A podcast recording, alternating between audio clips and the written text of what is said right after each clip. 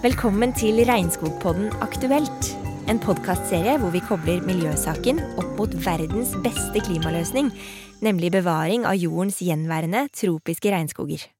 Hit inviterer vi aktuelle gjester for å snakke om hvordan natur og regnskog påvirker alt liv på jorda. Med oss i dag så har vi spesialrådgiver i Regnskogfondet, Anders Krogh, og statsviter og medforfatter av En klimabok du orker å lese, Hauk Are Fjell. Velkommen, begge to. Tusen takk. Aller først så vil jeg at lytterne skal få bli bitte litt kjent med dere før vi setter i gang. Anders, du er en eh, av verdens ledende eksperter på regnskog og urfolk. Kan du si to år om hvordan du ble det?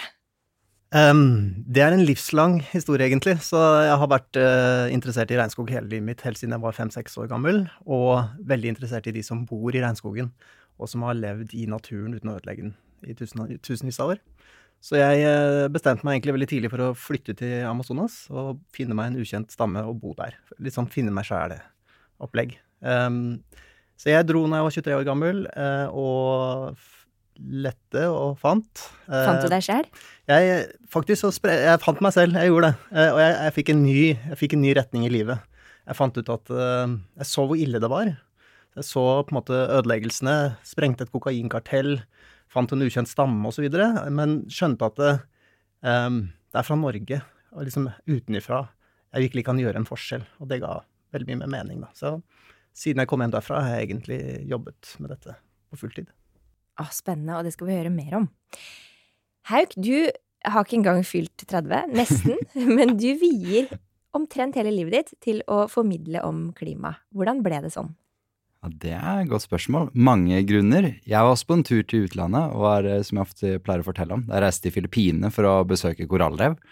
Og så, Da studerte jeg biologi og lærte meg om hvordan korallrevene forsvinner pga. klimaendringer. Så det var en ting som bevegde meg veldig. Så har jeg vokst opp mye med å være ute i naturen og har en far og en mor som er veldig opptatt av det, og så klart fått det med meg hele livet. Og så begynte jeg å jobbe med det, og jeg tror når man jobber med det, så blir du bare enda mer engasjert, for da setter du inn den problemstillingen og skjønner at dette er virkelig viktig å jobbe med. Så det har jo egentlig bare vokst med tiden. Mm. Eh, og eh, vi kan jo bare begynne, da. Vi begynner med deg. Du kan du kan få Nå kan du få lov å ta tempen på verden. Jeg vet ikke om det er riktig ting å si.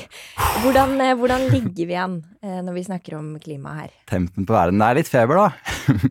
Jeg har lyst, egentlig, jeg tenkte på det, jeg har litt lyst til å begynne sånn litt, litt tilbake i historien. Altså, egentlig nå skulle vi vært inne i en sånn tidsepoke i historien som kalles holocen, som er en sånn veldig, var en veldig stabil klimaperiode.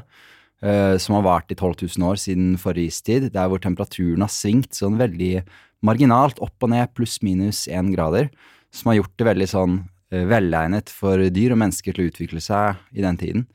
Uh, mens nå har vi dytta den temperaturen opp 1,2 grader, så vi har liksom dytta jorda ut av denne stabile, stabile perioden, kan du si. Og i år ligger vi an til at det blir det varmeste året som er målt noensinne. Det sier forskere allerede nå at det ligger det veldig an til. Eh, den sommeren her ble det satt en masse rekorder, og folk så kanskje dette på nyhetene. Altså juli, varmeste måneden antageligvis på jorda på 120 000 år. Som er helt vilt å tenke på. Varmerekord i verdenshavene. Eh, mindre sjøis på Antarktis enn målt noen gang. Skogbrannrekorder mange steder. Hetebølgerekorder. Så jeg trenger ikke liksom nevne alt, men poenget er litt sånn det har skjedd et rekordras i sommer. Uh, overalt på planeten. Og, og, det er jo tegnet på at vi har dytta liksom jorda litt ut av denne stabile kursen den er i. Og jeg tror blant uh, forskere nå, klimaforskere, hvis du ber dem ta tempen, så er det liksom De er nok uh, i økende grad bekymra, fordi de ser at konsekvensene er såpass så dramatiske allerede nå, og vi er på vei mot en oppvarming på 2,8 grader. Dette er 1,2 grader, så det er klart man Ja, det er For oss som jobber med det, og dem som forsker på det, så er det en uh, litt kjip tempen å ta. Mm, mm. så Men som positiv nå på slutt, det betyr jo at det aldri vært viktigere å jobbe med klima enn akkurat nå. Nei, det, det, er bra, det er bra, for vi skal også Vi skal ikke ha det bekmørkt her i dag, vi skal snakke om håp også. Men aller mest så skal vi snakke om vippepunkter. Mm. Kan du forklare hva et vippepunkt er? Ja, vippepunkter henger litt sammen med dette at vi liksom dytter rora ut av en uh, veldig stabil periode. Um, så et vippepunkt uh, kan beskrives med et lite bilde. Du kan se for deg at du tar et uh, glass og dytter det mot kanten av bordet. Det går helt fint til du dytter helt til kanten, og da kan du bare gi et lite puff, så vipper du over kanten, far mot bakken, krasj, knuser i tusen biter. Og da har du på en måte nådd et punkt der hvor du endrer glasset til noe som du ikke kan få tilbake til der det var. Det er ugjen, hva heter det? Ugjenopprettelig. Uh, irreversibelt. Uh, og det er mange liksom systemer, eller områder på en måte på jorda, man, hvor man kan nå sånne vippepunkter. Og et klassisk eksempel da, er grønlandsisen. Vi kan da nå et punkt der temperaturen har økt så mye at grønlandsisen bare Ha det bra. Men vi ser det ikke. Men de endringene vil da fortsette i tusenvis av år framover. Eh, lang, lang tid framover. Og det samme når vi kommer til Amazonas, er jo et, et, tilfelle der, ikke sant? At endringene kan gå over lang tid og strekke seg langt inn i framtiden. Tre fjerdedeler av Amazonas har nå redusert motstandsdyktighet mot stress i form av klimaendringer og tørkeperioder. Amazonasregnskogen tåler slike stressmomenter mindre nå, samtidig som disse momentene øker i omfang. Studier viser at store deler av Amazonas er i ferd med å kollapse. Og Amazonas, da ga du ordet videre over til eh, Anders her, eh, fordi at du jobber med de, et av de mest avgjørende vippepunktene, eh, og det er Amazonas-regnskogen. Og nå skal vi vie litt ekstra oppmerksomhet til akkurat dette vippepunktet her i dag, siden vi er jo Regnskogpodden. Og i Amazonas så ser vi nå en ekstremtørke. Det har gått bilder viralt av døde rosa delfiner som skyller innover strender i Amazonas, og klimaforskerne sier at bestemt at det er klimaendringene som har skylda. Vannet i Amazonas det skal visstnok holde 39 grader, og det snakkes om boiling water. Anders, hva, hva er klimastatus i Amazonas akkurat nå? Ja, altså Det er svært bekymringsfullt. Amazonas angripes fra alle kanter, egentlig. Eh, så du har en type normalsituasjon i Amazonas, der kom, El Niño kommer inn sånn ca. en gang hvert tiende år. Eh, og det har den på en måte alltid gjort. Det er den varme vinden som er, vi har sett ja, den, i sommer? Den varmer opp eh, Stillehavet og skaper disse syklusene av tørke i Amazonas. Og det er egentlig helt naturlig. De er sjelden veldig sterke, men de er, men de, de er mye, mer, er mye lengre tørkeperiode enn vanlig det, det året, da. Men nå på toppen av dette her, så har man eh, klimaendringene som, som varmer opp Nei, eh, Atlanteren i, i, i, utenfor Amazonas. Og det endrer på vindsystemene, slik at det blir, også skaper en tørke. Og denne klimaendringen alene kan skape like kraftige tørkeperioder i Amazonas som det El Niño gjør. Og sammen så blir det ekstra, så blir det en liten bombe. Og så kommer det på toppen av dette her, så kommer avskogingen. Eh, fordi Amazonas skaper sitt eget klima. Og det er utrolig fascinerende. Og det gjør den på to måter. Det ene er det at uh, den resirkulerer regn. Altså du har dette som heter evapotranspirasjon. Når uh, regnet faller ned i Amazonas, ned på bakken, ligger nedi bakken, så suger uh, trærne, røttene til trærne dette vannet opp gjennom stammen, og så fordamper det ut gjennom bladene. Eh, og tusenvis av liter med, med, vann fordampes per tre ut i Amazonas hver eneste dag. Og danner et skylag som igjen faller ned som regn. Så dette er et kretsløp som, eh, av regn som skogen selv skaper. Eh, og i tørkeperioden, nei, i, jo, i tørkeperioden i Amazonas så består faktisk opptil 50% av regnet er skapt av dette, denne resirkuleringen, mens 50% kommer utenifra. Eh, så det betyr jo at eh, når skogen forsvinner, så forsvinner jo også opptil 50% av regnet. Så det er den ene. Eh, det andre er hvorfor regner det over land i det hele tatt? Det aller meste av fordampning det skjer jo ute i verdenshavene. Nesten all fordampning skjer der. Men hadde det ikke vært for at vi hadde vegetasjon over land, og da særlig skog, og da særlig tropisk regnskog, så hadde dette vannet på en måte bare falt som regn ute i havet. Mens regnskogen skaper et ved denne fordampningen, som er ekstremt stor over regnskogen, skaper det et undertrykk som suger denne fuktigheten innover land. Ikke sant? Innover land, og tusenvis av kilometer innover innover. Ikke sant? Du kan tenke deg det regner altså på andre siden av det søramerikanske kontinentet, inne i Andesfjellene, som er da i vest.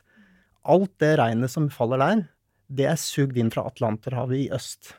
Og det er ca. 3000 km i, i luftlinje, ikke sant. Så, og det er det regnskogen som har sugd inn og, og, sørget for. Så når man tynner ut regnskogen, degraderer den og fjerner den, så, så, for, så uh, svekkes denne pumpen, ikke sant. Den klarer ikke uh, skape nok undertrykk til at, den, til at dette, dette, denne fuktigheten kommer inn. da. Det er så vanvittig. Hvorfor, hvorfor, driver vi med avskoging? Det er kanskje ikke det du skal snakke om i dag, men det er sånn spørsmål men, som Men det ikke sant, bildet vi ser her nå, er jo da ikke sant, så Amazonas angripes nå fra tre kanter. Eh, generelt så har avskoging og degradering av Amazonas eh, gjort at sånn generelt så har den blitt én grad varmere. Noen steder har den blitt seks grad, grader varmere. Fuktigheten over Amazonas i tørkeperioden har blitt redusert fra altså Forskerne er litt uenige, men fra 15 til 40% redusert fuktighet, sånn generelt sett. Og i, på en tredjedel av Amazonas sin overflate, altså det er i de sørlige og østlige delene hvor avskogingen er verst, der har tørkeperioden, altså hvert eneste år, blitt én måned lenger. Så nå er det ikke lenger fem måneder tørkeperiode, nå er det seks måneder tørkeperiode. Eh, og, og disse, grunnen til at Amazonas har blitt tørrere og varmere sånn generelt, stabilt, det er hovedgrunnen til det, det er avskoging og degradering.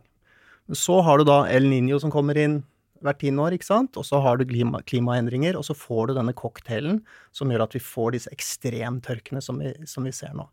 Uh, og den tørken vi har nå, er det faktisk kanskje den tørreste noensinne. Tørreste, og vi får jo se hvor lenge den varer. Noensinne. Uh, og så er det jo da vippepunkt, ikke sant? For nå, nå skjønner man kanskje hvor vippepunkt, eller hva vippepunktet i Amazonas betyr. Det er jo når vi har avskoget så mye og degradert den så mye at denne pumpen og denne resirkuleringen ikke er kraftig nok til at den kan klare å opprettholde eh, det regnskogsklimaet som skal til for å ha et regnskogsmiljø. ikke sant? Så den klarer ikke produsere nok regn til å opprettholde seg selv, rett og slett. Og da, og, verst, verst at da er forskerne ganske tydelige på at når vi når det vippepunktet, at nå klarer ikke lenger Amazonas produsere nok regn til å opprettholde seg selv som økosystem, da snakker forskerne om noen tiår. Så vil dette kollapse eh, og konverteres til, til, savanne. Enten en sånn tørrskog, litt sånn åpen tørrskog-type, eller en helt åpen savanne. Og de regner med at kanskje bare Kanskje så mye som en tredjedel av Amazonas vil klare å stå igjen eh, kanskje bare 20% Og så er det hvor er dette vippepunktet, ikke sant. Ja, vet, eh, vet vi hvor langt unna vi er? Eh, altså man regner med at vippepunktet er et sted mellom 20 og 25% avskoging av Amazonas. Nå er vi på 18 eh, totalt avskoging. ja. I tillegg så er nesten halvparten av den i en forringet tilstand. Altså forringet er at den er tynnet ut og er tørrere, da.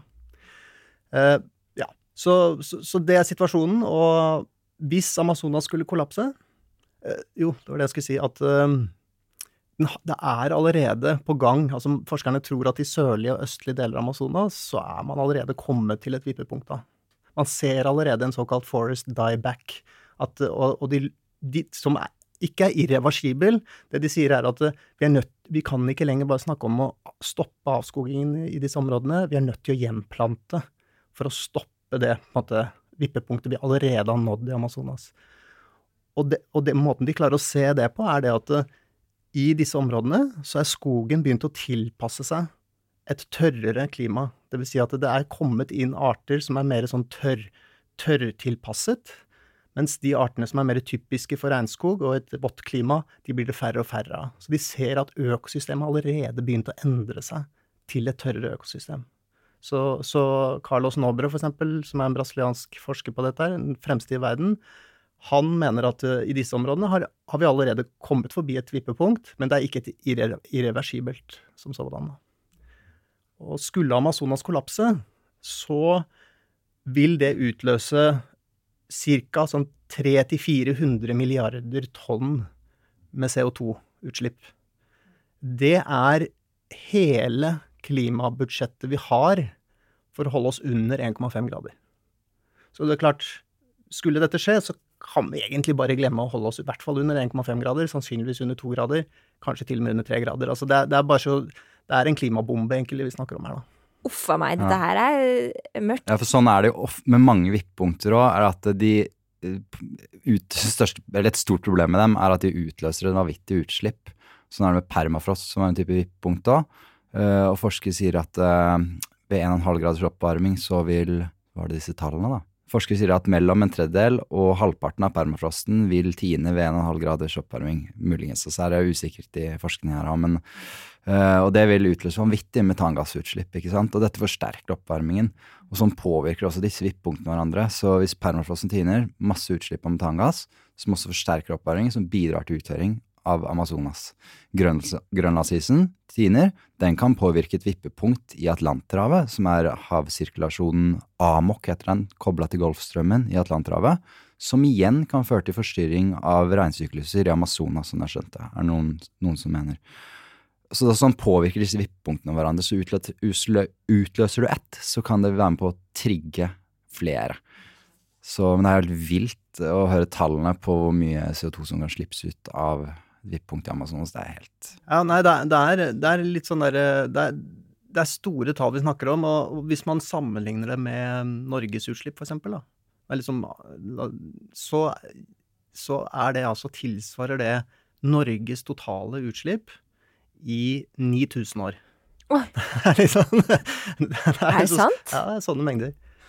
Så vi, vi, kunne egentlig si så lenge det har levd mennesker i Norge, så kunne vi hatt på en måte dagens utslipp hvert eneste år i, i 9000 år, da, så, over så lang tid. Det er det som ligger lagret i Amazonas. Og disse utslippene, altså Dette er jo utrolig skremmende, men altså fakta på bordet. Sånn, disse utslippene er ofte ikke lagt inn i klimamodeller og sånn. Altså. Så når vi snakker om utslippene, jeg vet ikke om utslippene fra Amazonas, men utslippene fra permafrosten, så eksisterer ikke noen klimamodeller. Hvordan de vil påvirke utviklingen Uh, når vi snakker om liksom en halvgradersmål og sånn, så er ikke det lagt inn at de utslippene kommer på toppen engang. Men, men når man snakker om permafrotsen, da snakker man om en irreversibel vippepunkt, ikke sant? Mm, da snakker man at, og også litt som at du drar den ut av fryseboksen. Og så, ja. Da er det borte. Da, da tiner den, liksom. Men er Amazonas-vippepunktet mm. irreversibelt? Uh, det er jo det. Altså, Eh, ikke nå. altså Det er allerede nådd et vippepunkt. så Foreløpig er det ikke irreversibelt. Foreløpig er det fortsatt er det mulig å se for seg at man kan gjenplante og, og, og på en måte restaurere denne, denne, klimapumpen igjen, da, eh, som regnskogen utgjør. Men det er klart du kommer, kommer jo til et punkt der eh, skogen er, så, er, såpass svekket at, eh, at du får ikke Altså du kan på en måte ikke gjenplante noe i et klima som ikke kan opprettholde den type regnskogsmiljø. Ja, det, jeg leste her, det er veldig interessant, at uh, før var det jo uh, grønnere og frodere områder i Sahara. For sånn 6000 år siden. Før det. Uh, og så pff, ble det ørken. Og der har man snakka om at det var et vippepunkt som skjedde. Og for, noen forskere mener at det ble trigga av jordbruk av mennesker. At vi drev jord og fart. Og at det førte til at det utløste vippepunkt der. Og du klarer ikke reversere Sahara tilbake til et frodig grønt område, sånn som det er lenger sør i Afrika. Artig at du tar det opp, egentlig, fordi faktisk han Carlos Nobre snakker om nå, eh, snakket om i sted, han, han, har faktisk en hypotese om å klare å gjøre eh, Sahara okay, grønn igjen. Okay, Så han, hans hypotese er eh, å, å, å, starte Og han har faktisk startet et prosjekt på dette her.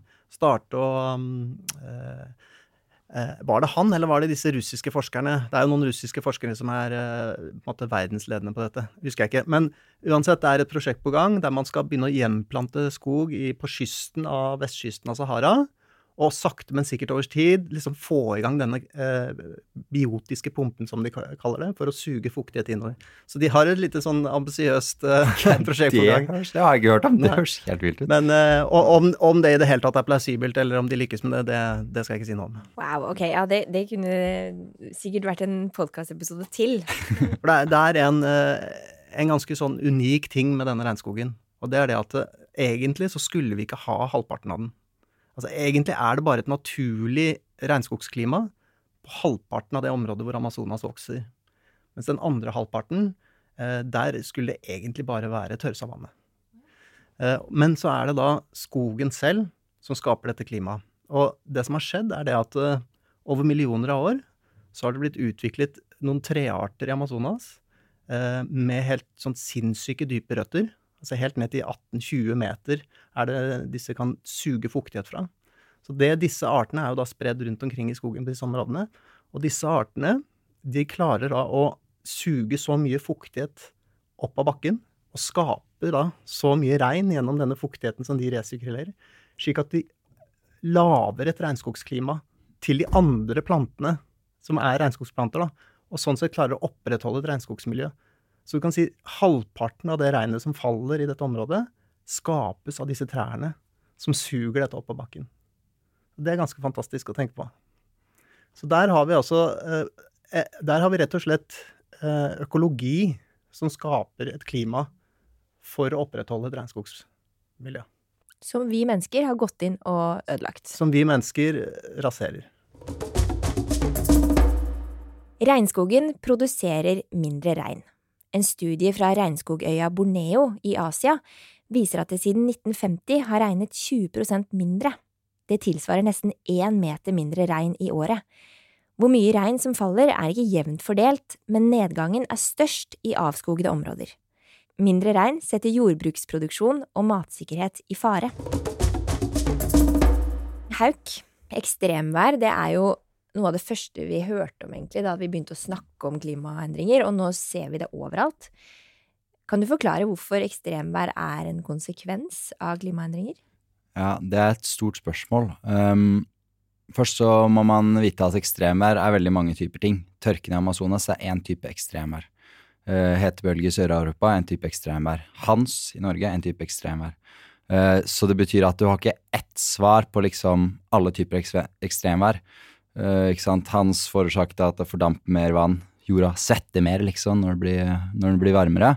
Og det også holder jorda på mer fuktighet når temperaturen øker. Uh, og da blir det sterkere, mer kraftigere regnbyger når det først regner, ofte. Uh, så det er en mekanisme der. Men så er det jo hetebølge og tørke, andre mekanismer.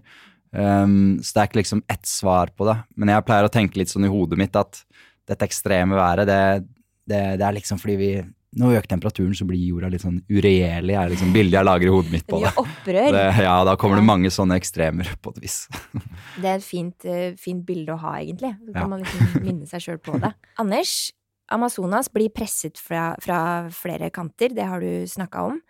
Både gjennom klimaendringer og avskoging. Tåler den begge deler?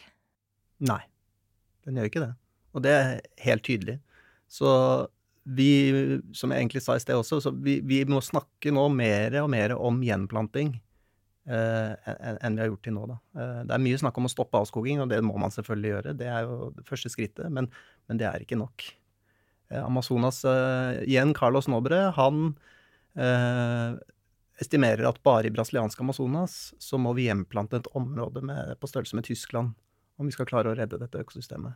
Om vi skal klare å eh, gjenreise på en måte det, det klimaet som det trenger, og, og, og bevare biomet. Da. Og da, da har jeg lyst til å bare spørre med en gang, jeg, for jeg blir så nysgjerrig på det. Altså, Amazonas er så langt unna oss. Hva, eh, hva kan vi i Norge gjøre for å, for å få det til, for å bidra til det? Åh, det er mye. Ja, Ja, altså Vi her i Norge kan jo selvfølgelig bidra Altså Norge som eh, land bidrar jo med mye penger, og det skal de ha kudos for. Du, vi er et regnskogland. Vi er et regnskogsland og, og er et av de fremste landene i verden på, på dette temaet, liksom, til å hjelpe opp om dette temaet. Eh, Hva enkeltindivider i Norge kan gjøre, så er det jo selvfølgelig støtte Regnskogfondet, det er er jo én ting. Men eh, man kan eh, som forbruker også gjøre noe. Nå er ikke Norge på en måte det landet i verden hvor man ser mest regnskogsødeleggende produkter, men eh, palmeolje er jo én ting. Eh, unngå å kjøpe palmeolje. Eh, litt skremmende nå med at eh, vi, eh, vi kan på en måte risikere i fremtiden å få ødelagt regnskog på tanken eh, gjennom biodiesel. Eh, så det, det må vi på en måte overvåke og se, hvordan sikkerhetsmekanismene på det, mot det blir. Eller så er det generelt å holde seg unna tropisk tømmer når man kjøper varer, sånn som, eh, som hagemøbler og båter osv. Ja, hva er tropisk tømmer, da? Hva er det man bør være obs på da? Ja, gjerne ting som eh, Altså alt fra mahogni til teak til eh, til og med akasie osv. Kan, eh, kan komme fra ødelagt regnskog. Og selv om det står FSC-sertifisert på det, så er det ikke til å stole på. Er det ikke det? Nei, absolutt ikke. FSC-sertifiseringen er ingen, ingen uh, tillitsfull um, eh, sertifiseringsordning, og det er stor fare for at selv om det har det merket, så kan det være ødelagt skog dette tømmeret kommer fra. Da. Så generelle rådet er egentlig bare hold, hold seg unna helt. Holde seg til furu og Tropisk Ja, Furu og gran. furu og gran. Ja. Hold til det. Bør man ikke også holde seg unna oppdrettslaks og mat som er produsert ved hjelp av kraftfôr med soya fra soja. Brasil? Ja, for soya, for du nevnte jo palmeolje, men hva med soya? Nei, altså vi har jo Hvor mye er det? Er det én million tonn med soya som brukes i Norge hvert år fra Brasil? Uh, I særlig oppdrettsfisk. Uh, jeg tror 700 000 tonn er til oppdrettsfisk, om ikke jeg tar helt feil.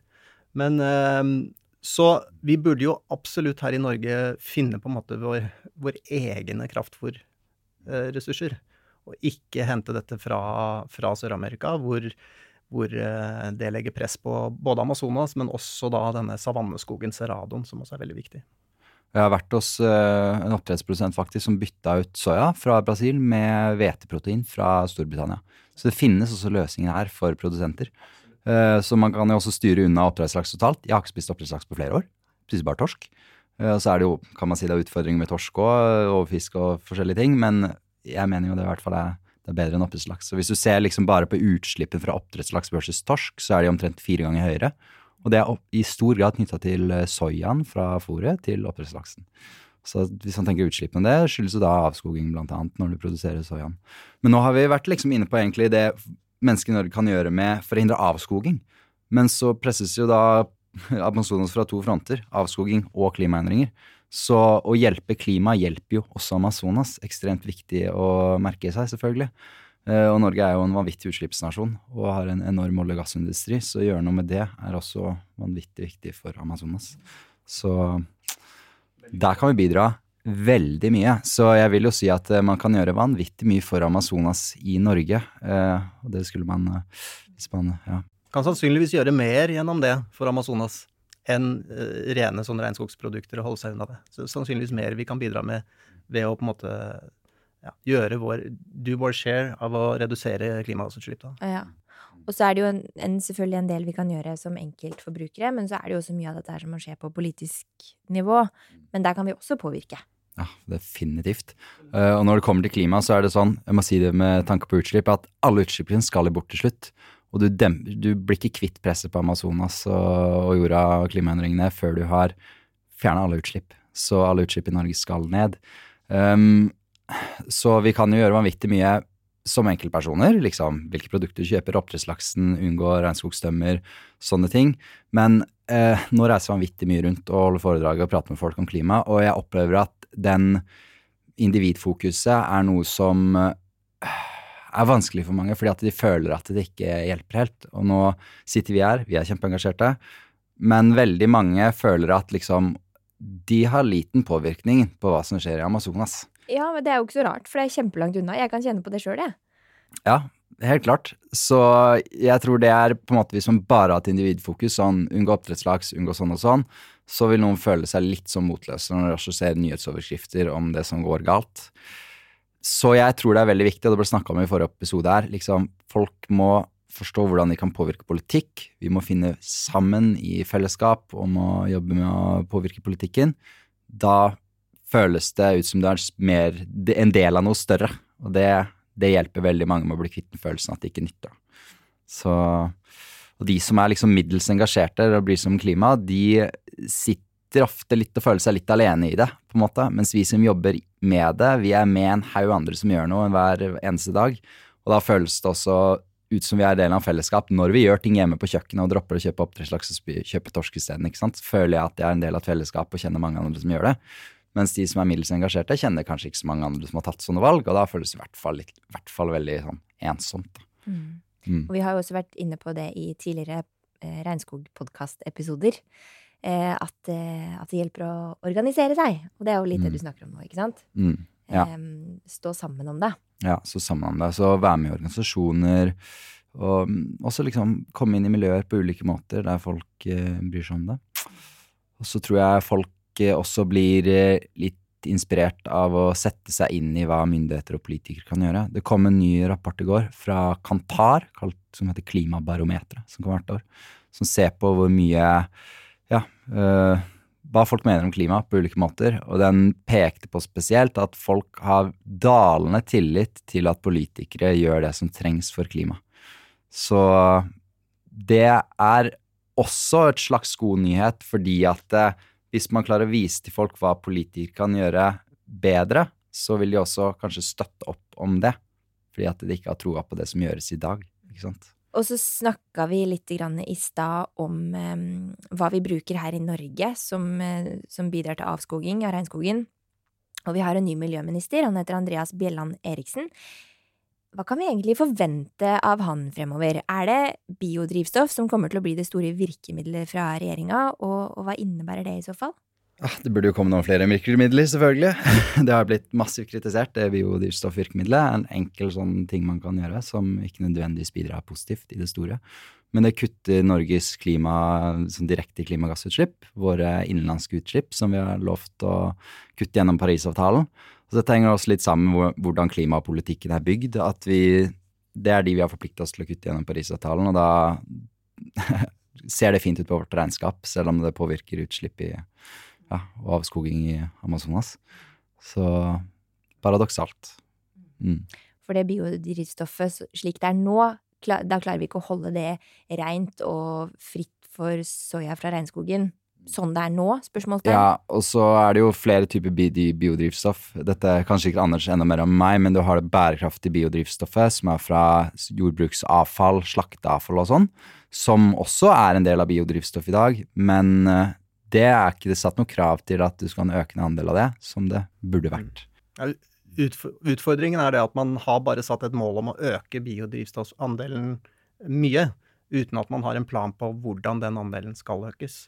Eh, og faren her er jo selvfølgelig at uh, man kan risikere å måtte hente da biodrivstoff fra kilder som egentlig kommer fra ødelagt regnskog, da, eller ødelagt natur generelt. Hvis det kommer fra måte, avfall fra industrien eller fra jordbruket, så er jo dette kjempepositivt.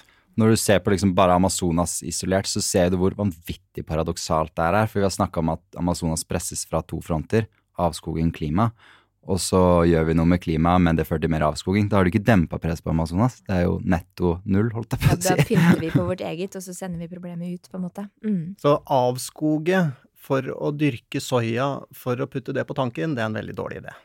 Hauk, når vi, når vi sitter og snakker om det her, så bare Det er så mørkt. Hvorfor gjør vi ikke det vi må?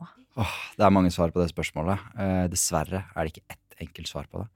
Eh, men eh, man kan jo først begynne med å si at eh, for mange, som vi snakka litt om i stad, så er dette veldig store, massive problemer. Og for oss som sitter i dem, så gir det klinkende mening at vi bør gjøre noe med en gang. Og vi sitter med muligheter rundt oss til å gjøre noe. Vi som jobber med det, jobber i feltet, liksom.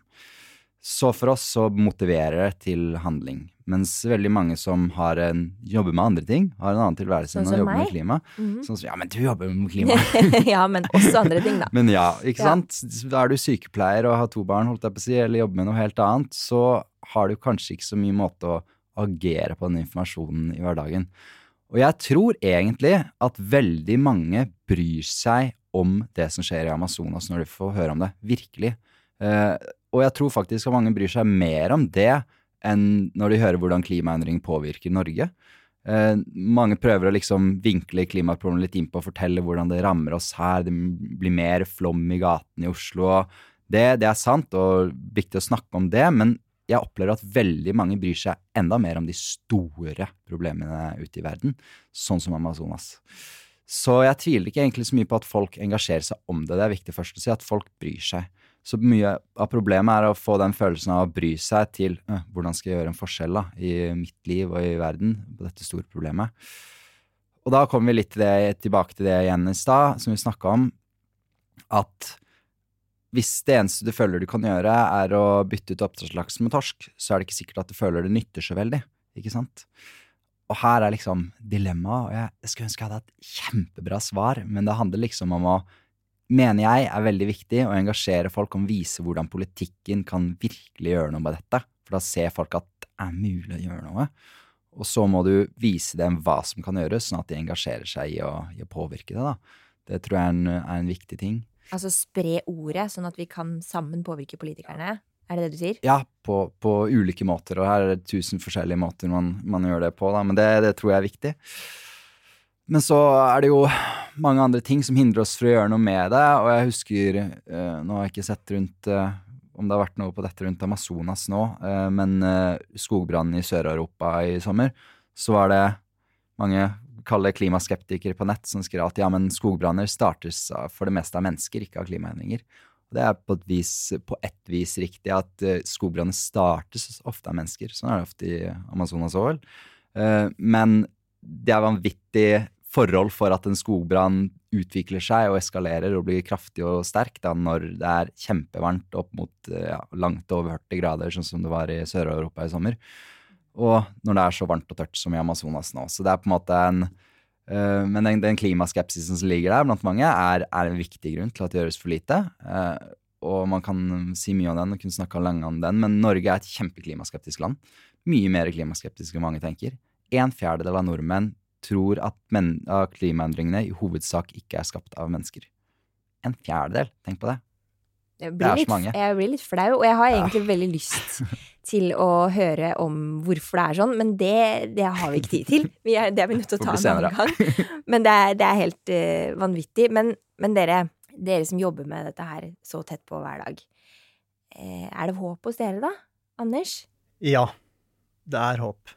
Altså, jeg, jeg, jeg, nøler når jeg sier det, ja. men, men fordi, altså, når man jobber så tett innpå disse tingene her, så virker det ganske, kan det virke ganske håpløst. Selv om vi får til seire liksom, regelmessig, så virker det håpløst. Men nå når jeg ser f.eks. Eh, at Lula var valgt til president i Brasil, eh, kan hende at avskogingen i Brasil faktisk blir redusert med så mye som 60 bare i år.